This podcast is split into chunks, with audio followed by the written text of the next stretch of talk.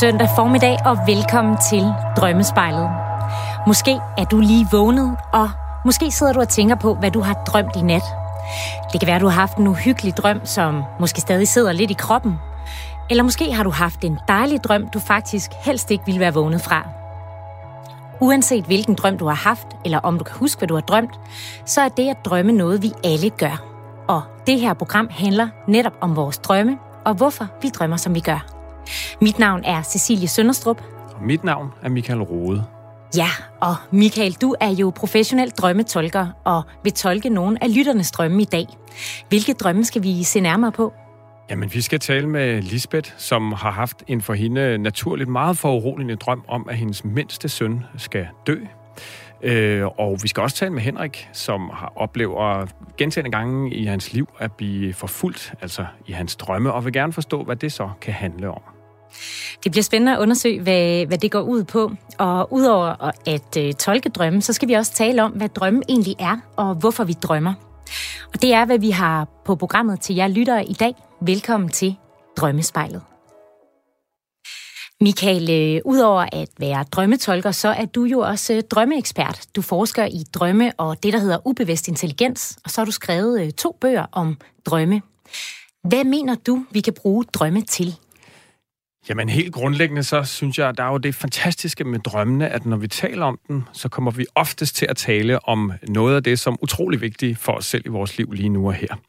Øh, det er sådan den store paraplyoverskrift, vil jeg sige, og mere lavpraktisk konkret, så vil jeg sige, der er jo simpelthen noget med, at drømmene er rigtig gode til at, at finde på ting. Altså, vi er meget kreative i vores drømme, så der er mange øh, idéer og løsninger, det vil sige både på vores arbejde og vores privatliv, som går tabt, hvis ikke vi ligesom har for vane at kunne huske vores drømme. Det er sådan den ene konkret praktiske vinkel, den anden vinkel er jo selvfølgelig den mere personlige vinkel, som ganske enkelt handler om øh, ja, selvindsigten, forståelsen af os selv, hvad der egentlig er på spil i os, hvem vi egentlig er, tit og ofte også, hvad det er, der ubevidst spænder ben for os i os selv, altså hvordan vi selv nogle gange spænder ben for os selv, i forhold til at få et liv, som vi øh, egentlig gerne vil have, altså et gladere liv potentielt. En sidste kort sætning på den er øh, en undersøgelse, jeg altid refererer til, når jeg får det spørgsmål, som er fra øh, Bronnie Ware, en australsk hospice-sygeplejerske, som jo gjorde det til sin vane at spørge mange af hendes døende patienter, øh, om der nu de lå her og kiggede tilbage på deres liv, er noget, de fortryder noget, de ville have gjort anderledes. Og den helt store fortrydelse der er jo simpelthen, jeg vil ønske, at jeg har haft mod til at leve mit liv i overensstemmelse med, hvem jeg er. I stedet har hele mit liv, eller det meste af det i hvert fald, i højere grad handler om at leve op til andres forventninger til mig. Og det synes jeg, altså det at undgå at få den fortrydelse simpelthen, det synes jeg er en af de primære årsager til, at man bør interessere sig for, hvad man drømmer om om natten. Ja, og du er som sagt øh, forsker i øh, drømme og ubevidst intelligens. Øh, hvad vil det egentlig sige at forske i drømme og, og ubevidst intelligens? Ja, for det første er der jo sådan termen ubevidst intelligens, ikke? hvor at, at drømmene er, er jo en del af den, kan man sige. Drømmene er for mig et direkte udtryk for vores ubevidste intelligens, men den ubevidste intelligens er jo mere end det. Det er jo også der mavefornemmelsen, intuitionen, kropslige fornemmelser og den slags ting. Grundlæggende noget, der konstant og hele tiden foregår i os, som vi jo ja, ikke er bevidste om. Øh, og hvordan man så, øh, altså forskningen i drømme, hvad er det egentlig? Jamen det er jo simpelthen noget med at undersøge deres væsen, prøve at forstå, hvorfor vi drømmer, og det kan man så i øvrigt gøre øh, på mange forskellige måder, øh, og herunder selvfølgelig også det her med at prøve at finde ud af, hvad får vi egentlig ud af, og interessere os for dem. Ja, og det kan godt være, der sidder nogen derude, der tænker, at sådan noget med drømme og drømmetolkning, det er sådan lidt hokus pokus-agtigt. Øh, jeg ved faktisk også, at det er en fordom, du, øh, du er til støder på, Michael. Øh, ja, og faktisk var du også selv ret skeptisk mm. omkring drømmes betydning, inden du begyndte, inden du begyndte at beskæftige dig med det her.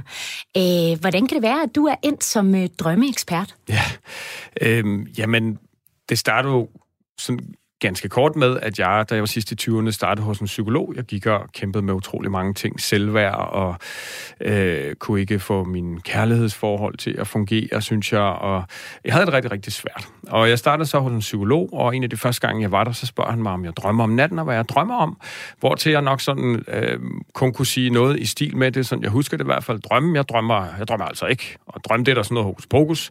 Jeg sidder her og har det svært. Hvorfor søren skal vi tale om mine drømme? Det var det, jeg startede. Men til gengæld så havde det så tilpas svært, og det var jo helt tilfældigt, at han arbejdede med drømmen som en del af terapien. Øh, til gengæld så havde det så tilpas svært, at jeg ligesom sagde til mig selv, jeg vil godt give det en chance. Og så gik jeg ganske enkelt rundt til mig selv og sagde øh, et par dage, jeg vil rigtig gerne huske min drøm, når jeg vågner flere gange om dagen. Og så vågnede jeg efter to dage med en drøm i hukommelsen, sådan, wow, kæmpe aha-oplevelse og øh, opvågning der, sådan, jeg drømmer.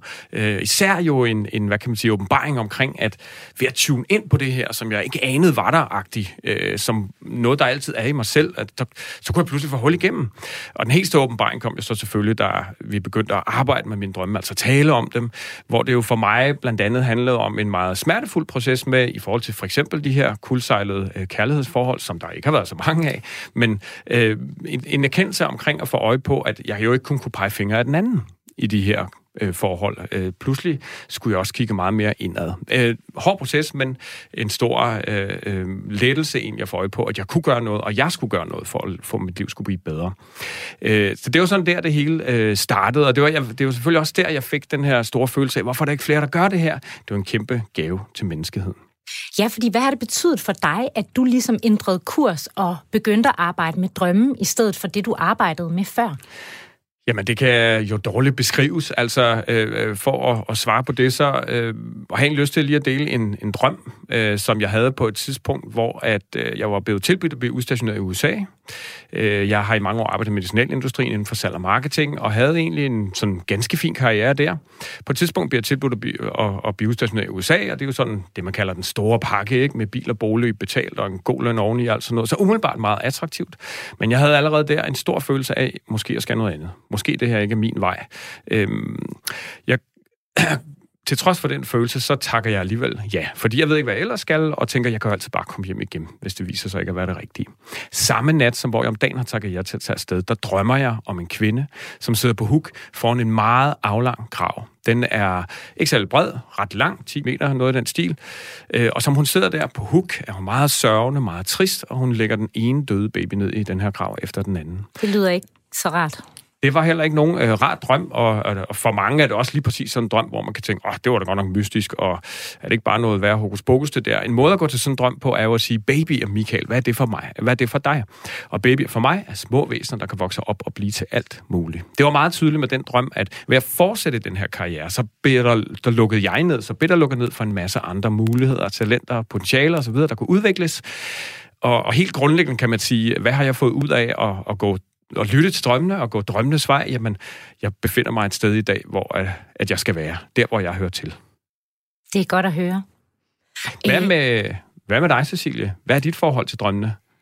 Jamen altså, mit øh, forhold til drømme, det er, at jeg i perioder kan huske mine drømme, øh, og i andre perioder overhovedet ikke kan. Mm. Øh, jeg aner ikke, hvad de betyder. Tit synes jeg, de øh, virker ret øh, ulogiske mm. og mærkelige. Nogle gange kan jeg jo godt fornemme, okay, måske øh, handler det her i virkeligheden om det her, og andre gange, så aner jeg simpelthen ikke, hvad det går ud på. Så øh, jeg er også meget spændt på at, øh, at blive lidt klogere øh, på, hvad, hvad, hvis ikke mine, så i hvert fald lytternes drømme, mm. øh, handler om at få det her perspektiv på det. Jeg glæder mig. Også mig.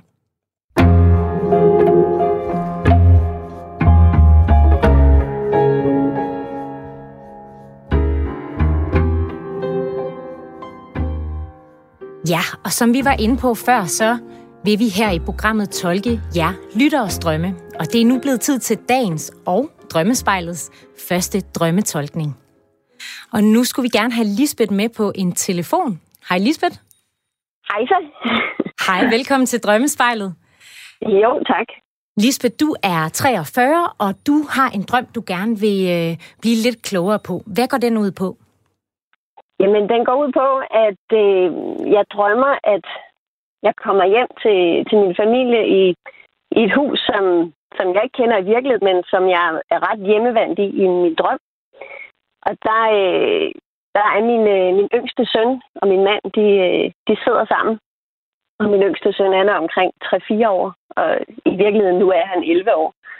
Øhm, og jeg spørger min mand, om, om vores søn er okay, og min mand siger, at øh, ja, og så bytter vi sådan plads. Så kommer jeg hen og sidder ved, ved min søn. Og så kommer der sådan en, en info til mig. Jeg ved ikke helt rigtigt, hvordan den kommer. Øhm, men det er, at, at min søn han er syg. Og, øh, og nu har han faktisk fået noget medicin, der gør, at han sådan langsomt skal... Det skal langsomt hjælpe ham af med livet. Altså, at, at han skal dø. Mm. Og jeg er sådan i handlemode som mor her, og jeg prøver at gøre alting så godt som muligt for, for min søn. Og, øh, og lade som om, at det hele er okay, og det skal nok gå, og det kommer stille og roligt, og så indeni er jeg jo fuldstændig sønderknust. Mm. Og så, øh, så pludselig så står jeg ude i vores køkken og ved at stege bacon. Og jeg er sådan, åh, det vil jeg godt blive færdig med, for jeg vil gerne ind til, ind til min søn igen. Øh, jeg har sådan den her, jeg vil godt have, at han mærker tryghed og falder bort i, i mine arme. Øhm, og så mens jeg står og steger bacon her, så kommer der pludselig to mennesker ud i køkkenet. Øh, og jeg, jeg tror, det er noget familie, og jeg bliver sådan bange og spørger, er det nu? Er han død? Og så skynder jeg mig ind til, til min søn igen på, på værelset. Og han er så stadigvæk i live. Han ligger stille og roligt ned, og jeg tager ham op i mine arme, og han peger på sådan en bamse, som han gerne vil have, og en kop med frøen kaj på. Mm. Og jeg tager det til ham, og så holder jeg ham ind til mig. Og så vågner jeg. Og så er jeg helt sønderknust og forvirret over, hvad der er drøm, og hvad der er virkelighed. Og jeg er sådan meget øh, ja, forvirret og tænker, hvad nu, hvad er det her? Og, mm. og skræmmende at drømme. Ja.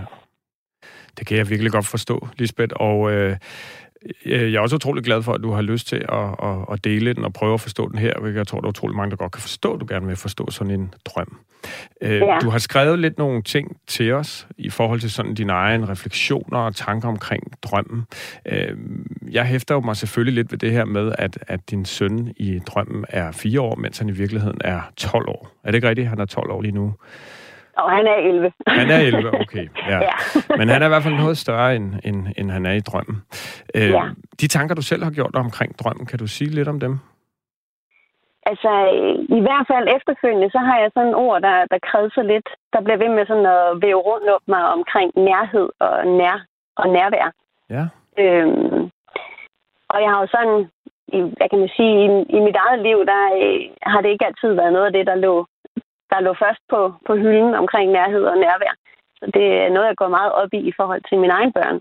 Ja. Øhm, og jeg har jo stået i, i den situation, at min mand og jeg har, er, er blevet tilbudt at overtage en meget stor virksomhed, øhm, hvor den her mavefornemmelse kom til mig, at det kunne godt være, at det var for stor en mundfuld, fordi hvad vil der så ske med, med vores børn? Vil de bare leve deres eget liv, og der ikke vil være den her nærhed og det her mm. nærvær? Ja. Noget af det, som jeg synes kan være interessant at tale om i forhold til sådan en øh, drøm, og det giver utrolig god øh, mening, det du siger, det er, øh, jamen det er for mig lidt den her øh, aldersforskel i forhold til, hvor han er nu i sit liv, din søn, og, og, og hvor gammel han så er i drømmen. Du beskriver også i, i, i teksten til os og til mig her, at... Øh, at da han var 3-4 år, så skete der nogle ting, som gjorde, at han tit var på hospitalet og sådan noget. Der var nogle udfordringer, er det ikke rigtigt? Jo, det er helt rigtigt. Ja. Har du nogen sådan, har du tænkt over, hvad, hvad de oplevelser har gjort ved, hvad kan man sige, din relation til ham og din, ja, dine tanker og din, ja, din relation i forhold til, til ham? Altså i, i hvert fald, øh, i hvert fald det her, jeg jo har været bange for at miste ham, at der skulle være et eller andet galt i den ja. periode, hvor han ligesom ja. var indlagt. Øh, og det kan godt være, at det har skabt sådan et eller andet øh, bånd, hvor man kan sige, at jeg, jeg skal vide, hvordan han har det. Ja. Øh, ja. ja. Grund, grund til, at jeg ligesom hæfter mig med det her med forskellen, er jo, at sådan en drøm kan jo godt sådan forsøge at tydeliggøre, at her har vi altså øh, Mikkel, som, øh, undskyld, Kasper, øh, som ja. i dag er øh, 11 år. Øh, og, og der kan simpelthen, sådan en drøm kan for eksempel sige, at der kan være noget i dig, som stadig, hvad skal man sige, ser ham lidt som øh, lille øh, fireårig Kasper øh, som, ja. som øh, måske så kan være svært ligesom at, ja, hvad skal man sige, slippe. Han står jo et sted nu i sit liv, Kasper, hvor han er blevet, øh, ja, øh, noget stor, ikke? Og, og i begyndelsen er tæt på øh, teenagealder og så videre. Øh, sådan en drøm kunne for eksempel godt sige noget med, at, at øh, ja, øh, den måde, du har set på Kasper indtil nu, øh, trænger til en, til en revidering eller den skal simpelthen, og det er jo drømmes meget voldsomt sprog nogle gange, gange den, mm. den skal simpelthen øh, dø, øh, for at, at, at han ligesom kan komme videre, og for at, at du øh, kan få en, en anden, og ikke, ikke bedre, som i den har været forkert, men en anden øh, relation til ham og se på ham, som, som den han vidderligt er. Giver altså, det mening? Nu spørger jeg lige om noget her, mm. Michael. At det, du tænker, det er, at, at fordi at Kasper har været syg da han var yngre, at, det, at den frygt stadig er forankret i, øh, i Lisbeth, og at det er tid til ligesom at, at slippe den frygt? Ja, det vil jeg sige. Altså, der kan jo potentielt, øh, og nu er det jo ikke, fordi vi har verdens tid her, Lisbeth, øh, men der kan jo potentielt være noget med, at, at, at og det er derfor, jeg spørger, hvad, hvad, hvad du tror, at den oplevelse har gjort for dig, at du måske netop har, har været utrolig tæt på ham og været ovenud bekymret for hans ved og vel. Og så kan en drøm jo, så en drøm jo simpelthen godt sige, Kasper, han har det godt. Han er en stor, øh, livlig dreng nu, og, og han er et andet sted. Øh, og og øh, sådan en drøm kunne godt sige, at der er noget i dig, som er ved at tage afsked, som simpelthen godt ved, at, at, at, at, at sandheden som den er, at Kasper er et andet sted i dag. Og, at, og at, han, at, at du kan revidere, hvad skal man sige, dit syn på ham. Det er en vinkel på sådan en drøm. Jeg ved ikke, hvad du tænker om det. Jamen, jeg tænker, det giver nok meget god mening. Altså, han er jo, han er jo den yngste. og bare det her, som uh, lader ham cykle i skole og sådan noget. Uh, hvor man tænker, at det kan han jo godt. Ja, ja. Lisbeth, lad nu være. Ikke? Ja, han, det, han sige, det kender jeg også fra mine egne børn. Ja.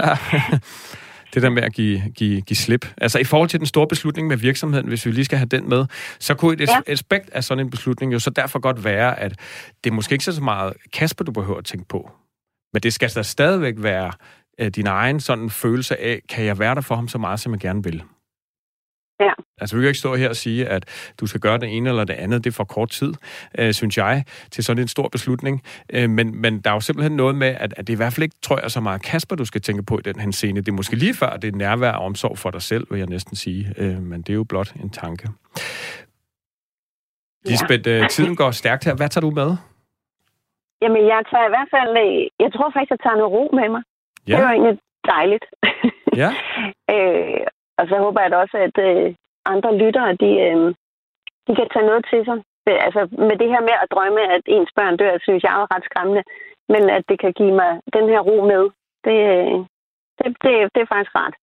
Det er min øh, øh gængse, eller hvad kan man sige, efterhånden stort erfaret oplevelse, at drømmene egentlig vil os det godt, også selvom de virker enormt skræmmende. Og, og sådan et stort tema som død øh, kan jo selvfølgelig betyde utrolig mange ting, og, og i den her kontekst handle om, om lige præcis lidt noget andet, end, end det, det sådan virker som, men faktisk mere øh, hans, hans personlige øh, udvikling. Michael, mener du, at, øh, at drømme faktisk øh, altid eller oftest er, er konstruktive? Altså helt sikkert. Altså sproget er jo sort mange gange, ikke? Øh, mystisk, mærkelig og giver ikke mening. Og jeg tror også, det er derfor, at mange ligesom har lagt dem på hylden, fordi det, det forstår vi jo ikke, det der. Men drømmene, de kommunikerer via billeder og metaforer. Det er deres sprog, de kan ikke andet. Øh, og, og ja, øh, jeg mener helt klart, at vores drømme er konstruktive, og jeg mener også, at nogle drømme er, er vigtigere end andre. Og den her drøm, du har haft, Lisbeth, den har uden tvivl været og er enormt vigtig for der, hvor du står i dit liv. Og ikke mindst i dit forhold til Kasper. Lisbeth, ja. jeg, jeg tænker på, øh, Hvordan, øh, hvad vil du gøre herfra, efter du har, øh, du har, fået, øh, har talt med Michael om din drøm, og måske er blevet lidt klogere på, hvad, hvad den bunder i? Jeg, jeg tror, jeg skal have den her ro med mig. Altså i forhold til, at jeg ikke behøves at, at pylde om, om og, og han, han kan sagtens. Altså, han er jo, mm. han er jo også en stor dreng. Øhm, og det er også okay, at han kan blive lidt sur, eller andet, hvis jeg siger, at det kan jeg ikke lade sig gøre. Øhm, altså, se ham i et ja, hvad kan man sige, mere, mere voksen perspektiv, mm. jo ældre han bliver. Det, det er jeg rigtig, faktisk rigtig glad for at, at få med mig. Godt at høre. Ja, og held og lykke, held og lykke med det, Lisbeth. Tak fordi du ville, mm. øh, ville dele øh, din drøm med os. Jamen selv tak. Hej hej. Hej. Hej. Hvis du sidder derude og gerne vil blive klogere på en af dine drømme med hjælp fra Michael, så, øh, så kan du sende den til os på spejlet radio4.dk, og så kan det være, at, øh, at vi kigger nærmere på den her i programmet.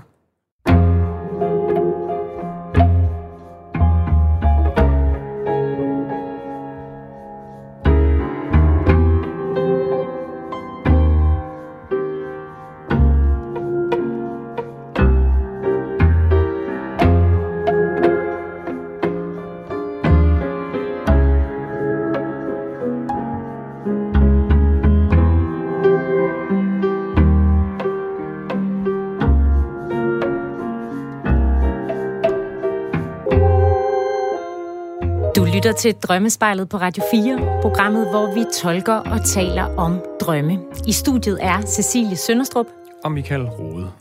Yes, og til de lyttere, der lige er kommet til, kan jeg fortælle, at Michael er forsker i drømme og ubevidst intelligens. Og Michael, så tolker du også folks drømme, som vi hørte med Lisbeth for kort tid siden. Michael, hvad er en drøm egentlig?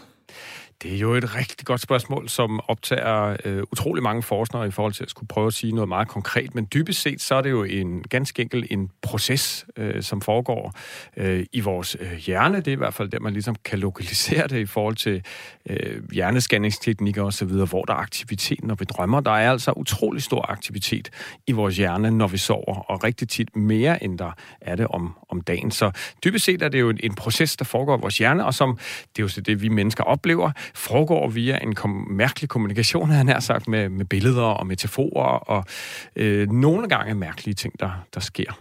Jeg har engang, øh, jeg har engang hørt, at øh, vi husker alt, hvad vi ser på altså det lærer sig sådan i vores mm. underbevidsthed, alle ansigter, vi er stødt på gennem livet. Ved du, om det er rigtigt? Mm, det er i hvert fald noget, der er næsten umuligt at, at sige, om egentlig er rigtigt, ikke? fordi hvordan undersøger man lige det, og det er jo baseret på folks hukommelse og så videre. Jeg kan sige med udgangspunkt i drømmene, øh, de gør jo tit det, at de vælger at bruge nogle ansigter, som vi et eller andet sted ikke aner kommer fra, og, og der er spekulation jo ganske enkelt, at det er måske en, vi har set en gang, som bare sad over et hjørne, som vi slet ikke lader mærke til, men så drøm øh, vælger at bruge i forhold til illustration af et eller andet tema, som lige nu er relevant i, i vores øh, liv. Ja, og nu siger du tema. Jeg kunne godt tænke mig at, at spørge dig øh, om, øh, hvorfor vi egentlig drømmer. Ja, vi drømmer er mange forskellige årsager. Øh, der har ligesom været en tendens til i drømmeforskningen, at man prøver at sige, hvad er den ene årsag til, at vi drømmer? Og der, hvor vi er i dag, øh, så er det klart min øh, øh, tilgang til det, at vi ganske enkelt drømmer af flere årsager. Vi drømmer for at huske ting, apropos det, du sagde lige før, og derfor sådan en eller anden form for selektion i forhold til, hvad er vigtigt at huske, hvad er mindre vigtigt at huske. Vi drømmer for at lære noget, vi er i gang med at lære. Det kan være at køre på cykel eller tale fremmedsprog. Vi drømmer også for at udvikle os, altså modningsprocessen. Øh, vi drømmer for at vågne op i et rimeligt humør. Det er det, man kalder drømmenes humørregulerende funktion. Det er ikke unormalt at have haft sådan en lortedag, som jeg tror, de fleste kan genkende til, hvor man ligesom har gået og banket sig selv oven i hovedet, og måske følt, at man ikke rigtig var noget som helst værd. Øh, så drømmer man måske så, at man er dronning, eller kongen af Spanien, eller supermand, eller superman, superwoman, et eller andet fantastisk.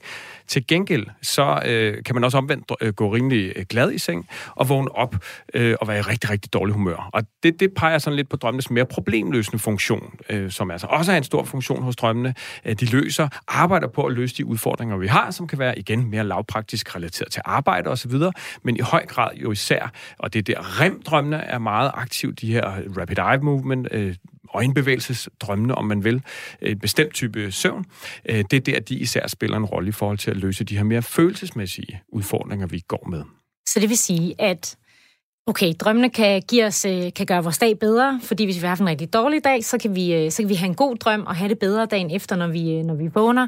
Men så, men så hvis vi har haft en rigtig god dag, så kan vi faktisk også risikere, at, at drømmene prøver at fortælle os, ja, men der er alligevel noget, du skal forholde dig til lige her. Lige præcis, lige præcis. Man kan jo sagtens, for at tage et meget konkret eksempel, gå sådan rimelig glad til fra til seng, og så vågne op, og et af de mest googlede, faktisk næst mest googlede drømmetemaer, drømme af ens partner har været i en utro hele natten i en drøm. Og det kan vi jo altid vende tilbage i en senere udsendelse til, hvad, til hvad kan sådan nogle drømme så egentlig handle om. Men det er et meget stort tema øh, øh, i forhold til det noget, rigtig mange søger på på, på Google. Øh, men det er bare et eksempel på, ja, lige præcis drømmene er gode til ligesom at tage fat i noget, som vi måske ikke er så bevidste om, men som dybest set kan, i sådan et tilfælde her, måske gå rundt og føle os usikre på vores parforhold, for eksempel. Men at vi i vågentilværelsen bilder os ind, at alt er godt, og, og gemmer det lidt væk. Øh.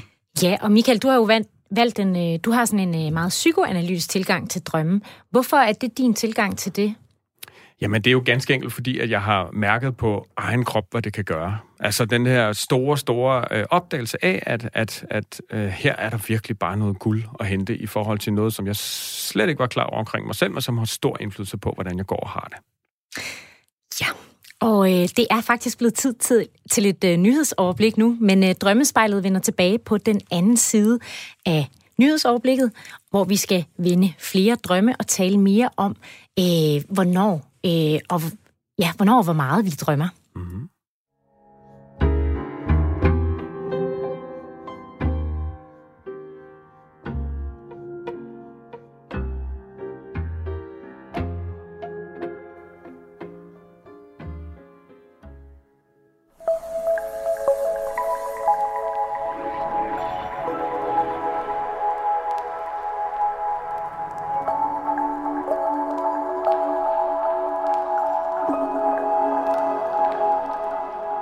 Velkommen tilbage til Drømmespejlet, programmet, hvor vi dykker ned i alt om drømme og tolker jeres drømme. Mit navn er Cecilie Sønderstrup. Og jeg hedder Michael Rode. Før nyhederne talte vi om, hvad drømme er og hvorfor vi drømmer. Og her i programmets anden halvleg skal vi tale om, hvornår og hvor meget vi drømmer hver nat. Men først skal vi tale med endnu en drømmer.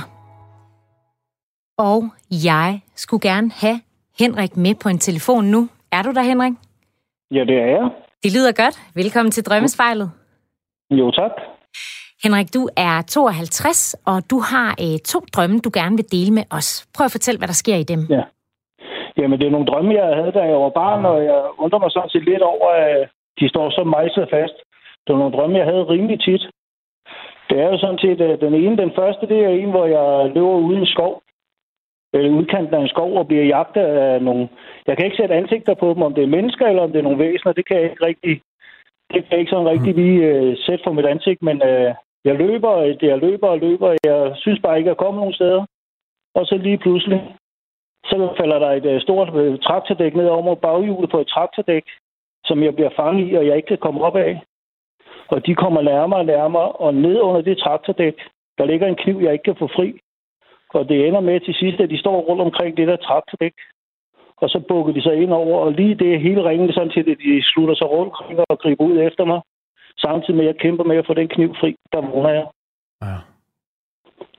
Det er jo en skræmmende og, og, og voldsom drøm, Henrik. Og ja, det er mås- det. Måske vi kan starte med at tage, tage fat i den, øh, inden vi tager hul på, på den næste. Øh, ja. Fordi at, øh, kort og godt, så er det jo noget med, øh, hvor gammel er det, du er nu, Henrik? Var 52, har du skrevet, ikke? Jeg er 52, ja. ja øh, og det er jo noget tid siden, du har haft de her drømme. Ja, det er jo sådan set nogle, jeg havde som barn og ung, sådan set. Som så barn det er det, der ja. undrer mig, at, ja. Øh, at de står så klart stadig ja. for mig. Og, og, og dejligt, at det så ikke er der mere jo, øh, kan man ja, sige. Ja, det er skønt. Øh, fordi det synes jeg jo for, for, for mig jo er et, et tydeligt tegn på, at hvad der end har været sådan på spil, som har gjort dig ja, utryg og som har skræmt dig, øh, det, det er ikke længere, hvad kan man sige, et, et issue eller et problem. Det, øh, det, det synes jeg i hvert fald er vigtigt at holde fast i som noget af det første. Øh, det, som øh, jeg vil sige i forhold til sådan en drøm og din situation, det er en umiddelbar tanke omkring, at det er noget, rigtig mange oplever på den måde, at hvad der i et barns øjne øh, kan opleves skræmmende eller ubehageligt. Det kan være, at du på et eller andet tidspunkt, øh, og det, det er jo et eller andet sted, er det jo spekulation, ikke? fordi vi, vi har ikke virkeligheden til at forholde os til her, medmindre du sådan øh, godt og grundigt kan huske øh, meget fra dit, øh, dit, dit barndomsliv og, og ungdomsliv, og der kan jo godt være, at der selvfølgelig kan komme nogle ting op, men, men øh, sådan en, det, at du kan have sådan nogle drømme øh, mange gange og, og, og gennem hele livet, indtil ja, det så heldigvis er gået væk, kan ganske enkelt handle om, at du som barn måske har oplevet noget, der var stærkt ubehageligt. Det kan være en film, du har set simpelthen. Øh, det kan være en, en situation, du har været i, som du var ubehagelig. Det kan være, at du har oplevet, øh, han er sagt, en skræmmende person. Et eller andet, som øh, har følt dig utryg til tider, som så på en eller anden måde har, har været med dig. Jeg ved ikke, ja. hvad, hvad, hvad, hvad tænker du i forhold til sådan noget som det her? Altså, jeg vil jo skynde mig at sige, at det faktum, at, at, at du ikke har dem mere, er en årsag til, at jeg har valgt at tage dem med, fordi det er jo selvfølgelig sådan med drømmene, at når, øh, når altså, de jo sagtens kan, kan, kan, kan være øh, overfladen af noget, som er, er, har været stort og har været meget ubehageligt. Øh, og, og det er så ikke min fornemmelse her, vil jeg skynde mig at sige, og derfor har jeg valgt at, at, at, at tage dem med. Øh, men men hvad, hvad tænker du? Altså, giver det mening, den tænkning her? Jamen, det gør det, men øh, jeg øh, lider stadig af meget af mareridt, også som voksen. Okay, ja. Det vil sige. Jeg har stadig nogle mareridt, men øh, der er det mere sådan, øh, der er det ikke omgivelserne, der er skræmmende. Nej. Der er det bare ligesom, jeg kan mærke en ondskab. Ja. Jeg havde en øh, for ikke så lang tid siden, der med, hvor jeg var ude og køre en bil, og hvor der står en øh, lille pige ved siden, og ja. vil samles op. Okay. Og jeg kan bare mærke, at jeg skal ikke samle hende op, fordi øh, der er ikke noget skræmmende ved hende, eller hun er ganske normal af det der. Men jeg kan bare mærke sådan en ondskab, der, der, der kommer fra hende.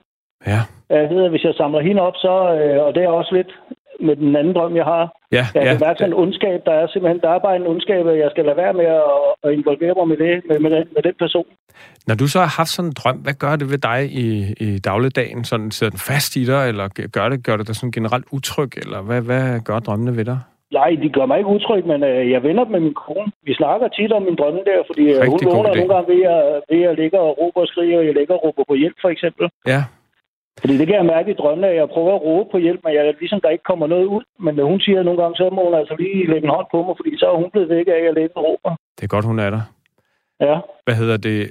Så, så øh, hvis jeg forstår dig ret, Henrik, så i, i de drømme, du havde for mange år siden, der er der en kniv, du ikke kan få fat i til, at, som du ligesom gerne vil have fat Ja, i, for at kunne... Be- ja, lige præcis, for Ja, måske at kunne beskytte dem. dækket.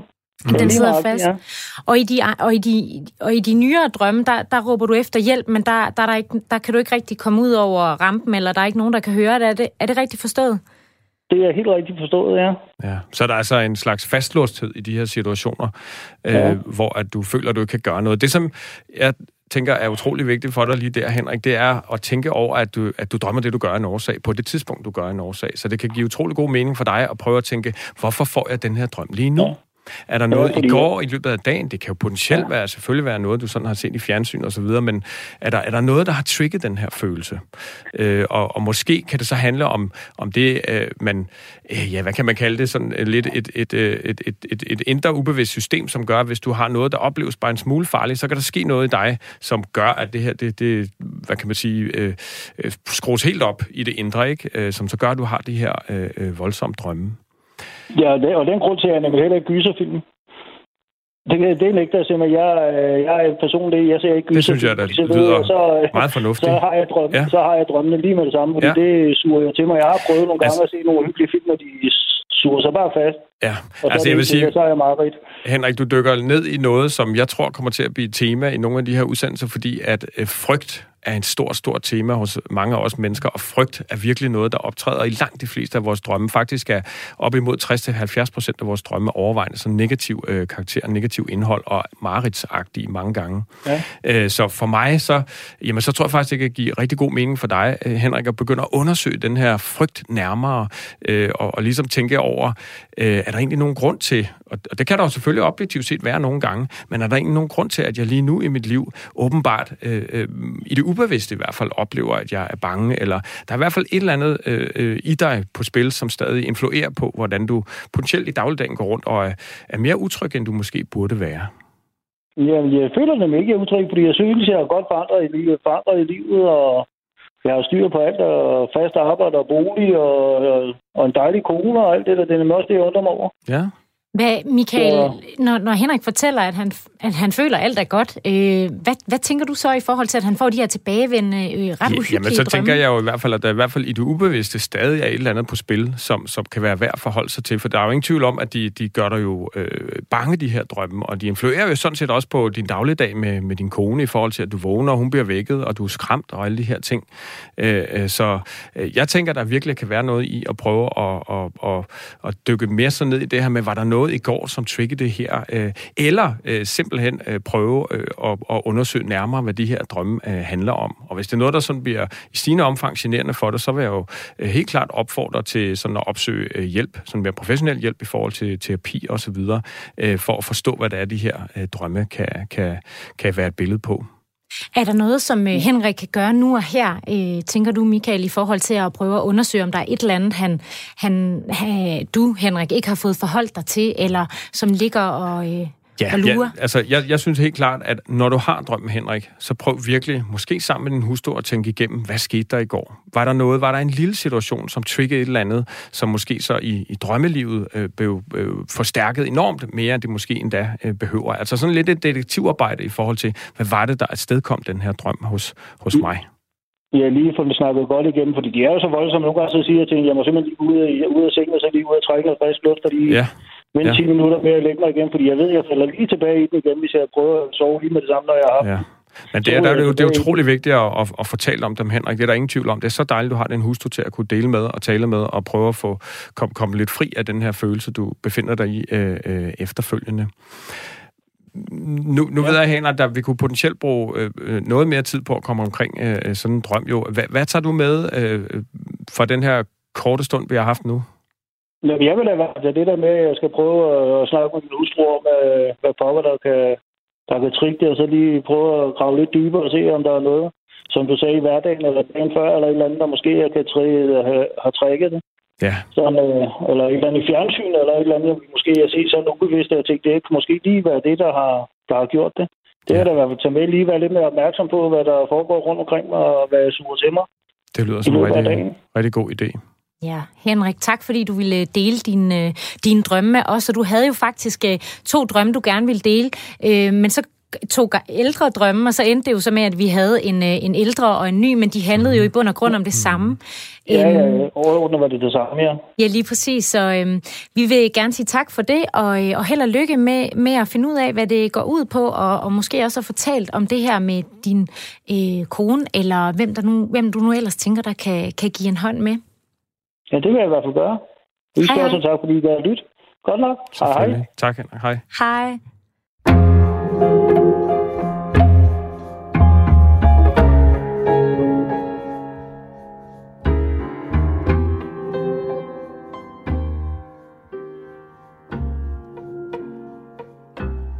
Du lytter til Drømmespejlet med Cecilie Sønstrup og Michael Rode.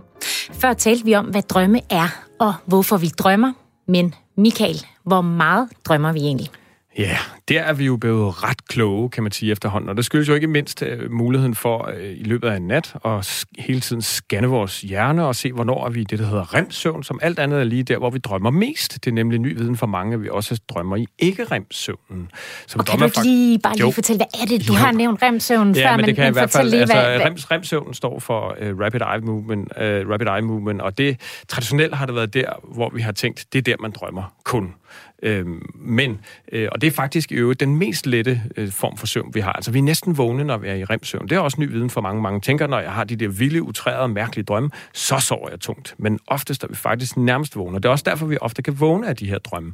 Så er der ikke remsøvnen, som egentlig er, hvad man som jeg vil kalde den dybe søvn. Øh, igen, det der så er ny viden for mange, det er, at vi også drømmer i den her øh, dybe søvn. Det er bare en anden slags drøm, lige sådan mere virkelighed sagt det. Det er remdrømmene, som er de her øh, øh, lidt mere mærkelige drømme. Summer så meget om i forhold til dit egentlige spørgsmål. Hvor meget drømmer vi? Jamen samlet set, hvis, sådan, hvis vi nu får vores gode 7-9 timers nattesøvn, som vi jo alle sammen skal have, øh, og som vi jo alle sammen får, prik, prik, prik, øh, forskning siger, at cirka, jeg mener det over, lidt over halvdelen af den danske befolkning ikke får den søvn, de har brug for. Øh, hvis vi nu får den søvn, vi har brug for, så drømmer vi cirka øh, to timer hver nat. Og det gør vi sådan i stigende grad, som natten skrider frem, og det har noget med at gøre, at vi sover nogle søvncykluser, det skal nok lade være med at gøre særlig øh, meget ud af, men de var 90 minutter, og dem cykler vi altså igennem sådan 4-5 øh, af om, om natten. Og øh, i dem, i hver af de her, der stiger andelen af remsøvn. Og det er alt andet lige der, hvor vi drømmer mest. Så øh, vi drømmer altså mere og mere, som natten skrider frem. Hvad der også måske er et, et sjovt lille øh, øh piece, øh, stykke information, er, at, at vi drømmer i, har i snit 6-8 drømme om natten. Øhm, og det... Øh, 6-8 drømme om natten, og igen, øh, det er jo ikke det samme som, vi så husker de her drømme. Og det er jo noget, vi kommer til at tale utrolig meget mere om her. Hvordan, kommer jeg, hvordan bliver jeg bedre til at, at, at huske mine drømme? Ja, og, øh, og du var lige inde på, at vi drømmer øh, sådan, øh, op til otte gange om natten. Øh, kan du sige noget om, hvornår i løbet af natten øh, øh, de her drømmerier foregår? Ja, det, det gør det sådan set løbende, fordi hver af de her søvncykluser, så øh, er der en, den sidste del af den her halvanden time søvncyklus, som det hedder. Det er remsøvnen. Og igen, det er der, vi drømmer mest. Og rem andelen af de her søvncykluser, det er relativt teknisk, men den vokser og øges, som natten skrider frem. Og det er derfor, at vi drømmer absolut mest, øh, jo mere vi får sovet her, nær sagt. Som, som morgenen nærmer sig, det er tit der, vi har det lidt længere og, og mere intense drømme. Ganske enkelt, fordi rem-søvnen øh, er, drømmesøvnen er, er længere lige der så, ved, så er vi blevet lidt klogere på, hvor meget og hvor ofte vi drømmer i løbet af natten. Og nu er det blevet tid til dagens sidste drømmetolkning, og øh, vi har nu Susanne med på linjen. Hej Susanne. Hej. Velkommen til Drømmespejlet. Tak for det. Du er 62, og øh, du har øh, en drøm, du gerne vil dele med os. Prøv at fortælle lidt om den. Ja, ja øh, det var, jeg drømte, at jeg gik i en skov, og pludselig kunne jeg ikke komme videre. Der lå en stor træstam og sværede. Og jeg kiggede til højre, og der var en meget stejl skrant ned. Og neden for skranten var der et stort hav, hvor der stod en mand med åbne armene og sagde, spring.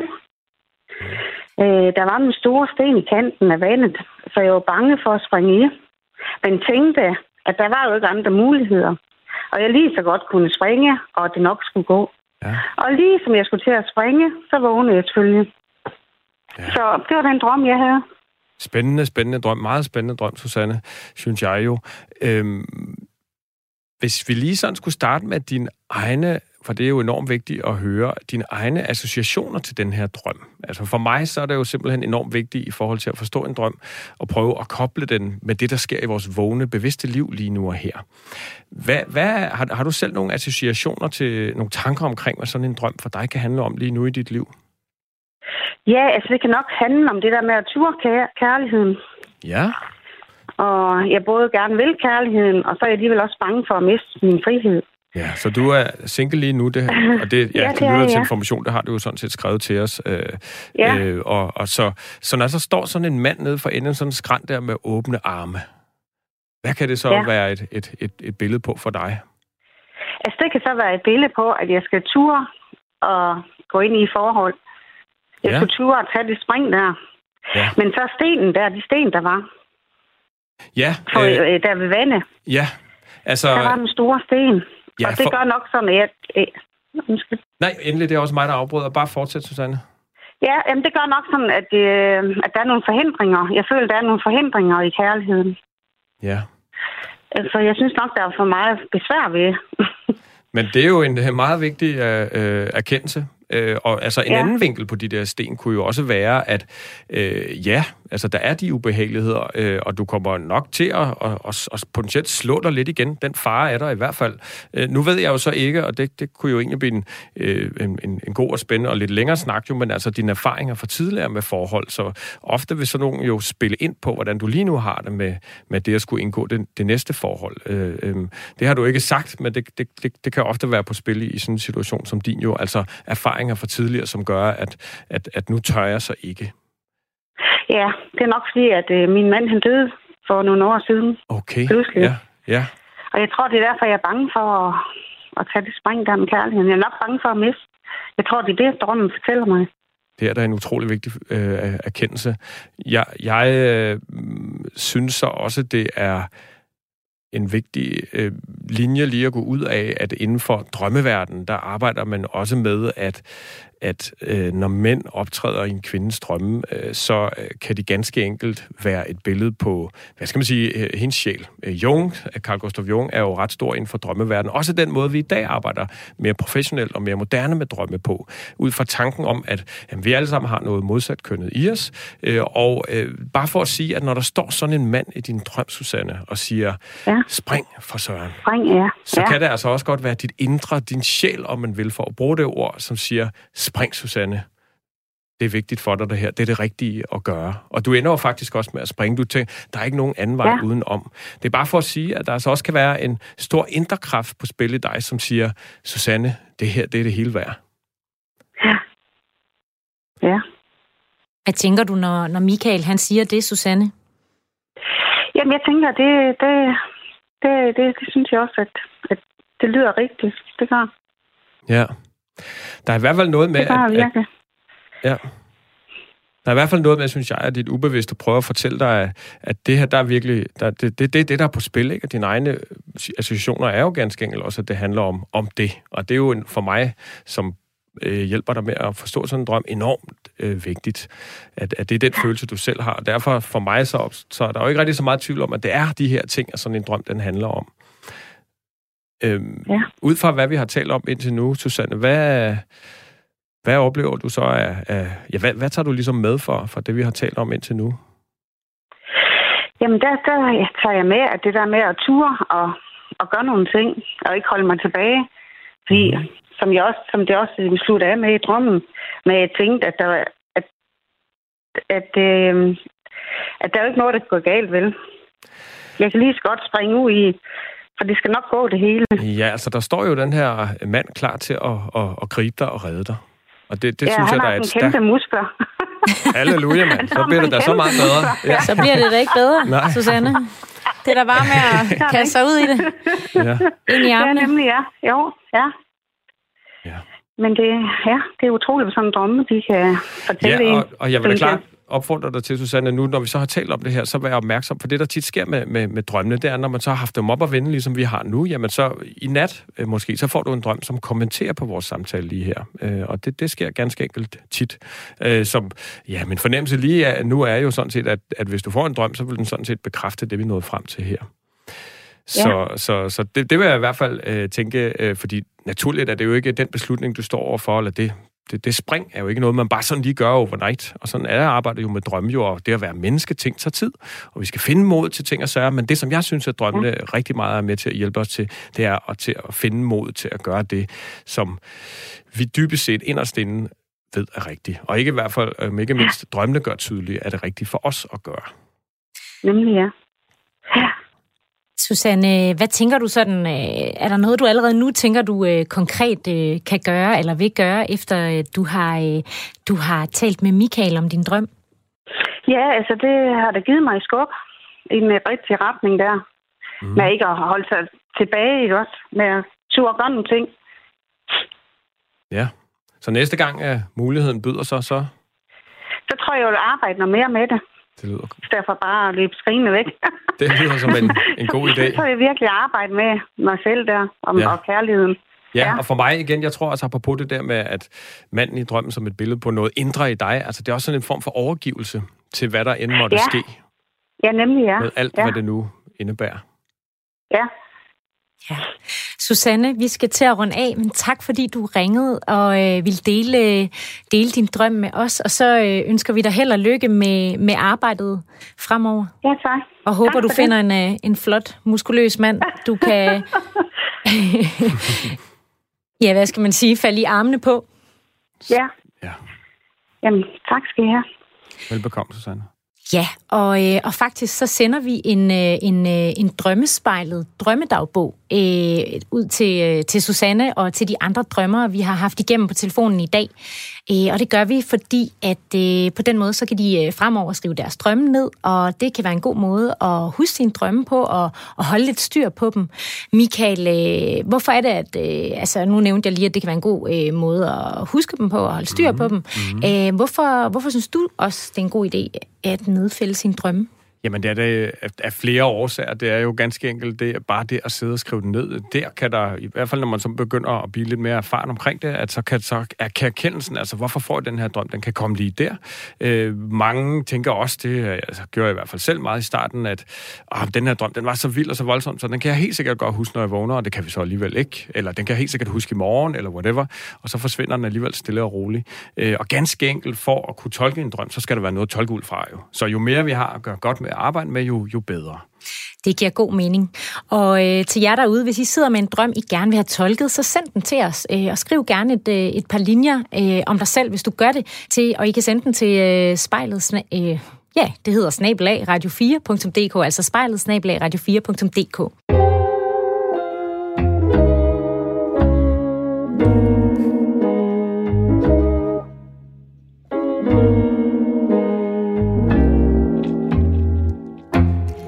Vi er så småt ved at være ved vejs ende her i den allerførste udgave af Drømmespejlet. Men inden da skal vi lige forbi vores brevkasse, som vi har valgt at kalde Drømmekassen. Vi har fået et spørgsmål fra Jesper, og han skriver, Kære Michael og Cecilie, de sidste mange år er min oplevelse, at der har været et sort hul fra jeg går i seng til jeg vågner. I min underbevidsthed har jeg nok valgt drømmene fra, da jeg en periode havde nogle meget ubehagelige og virkelige drømme, der involverede min bror og hans død. I dem oplevede jeg alt fra nyheden om hans død, sorgen, begravelsen og i sidste ende livet, der fortsatte uden ham. Drømmene var så virkelige, at jeg vågnede og var overbevist om hans død, og jeg var faktisk fuld af sorg og ked af det i flere dage efter, også selvom jeg ringede og talte med ham i telefonen. Altså det vil sige, at broren er ikke død. Det leder mig til mit spørgsmål. Hvad siger det om mig og mit liv, velvære og så videre, at jeg ikke kan huske mine drømme? På forhånd tak og god vind med programmet. Ja, tak for et rigtig godt øh, spørgsmål der, Jesper.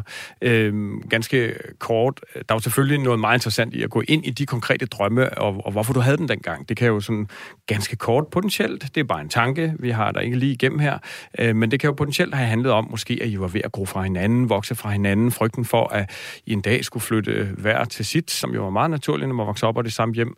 Øh, nu er det ikke det, der er i fokus her, men for mig i hvert fald vigtigheden af at prøve at forstå, hvorfor drømmene er der. Det, det kan gøre utrolig meget i forhold til at få dem til at stoppe. Det er faktisk noget af det helt afgørende.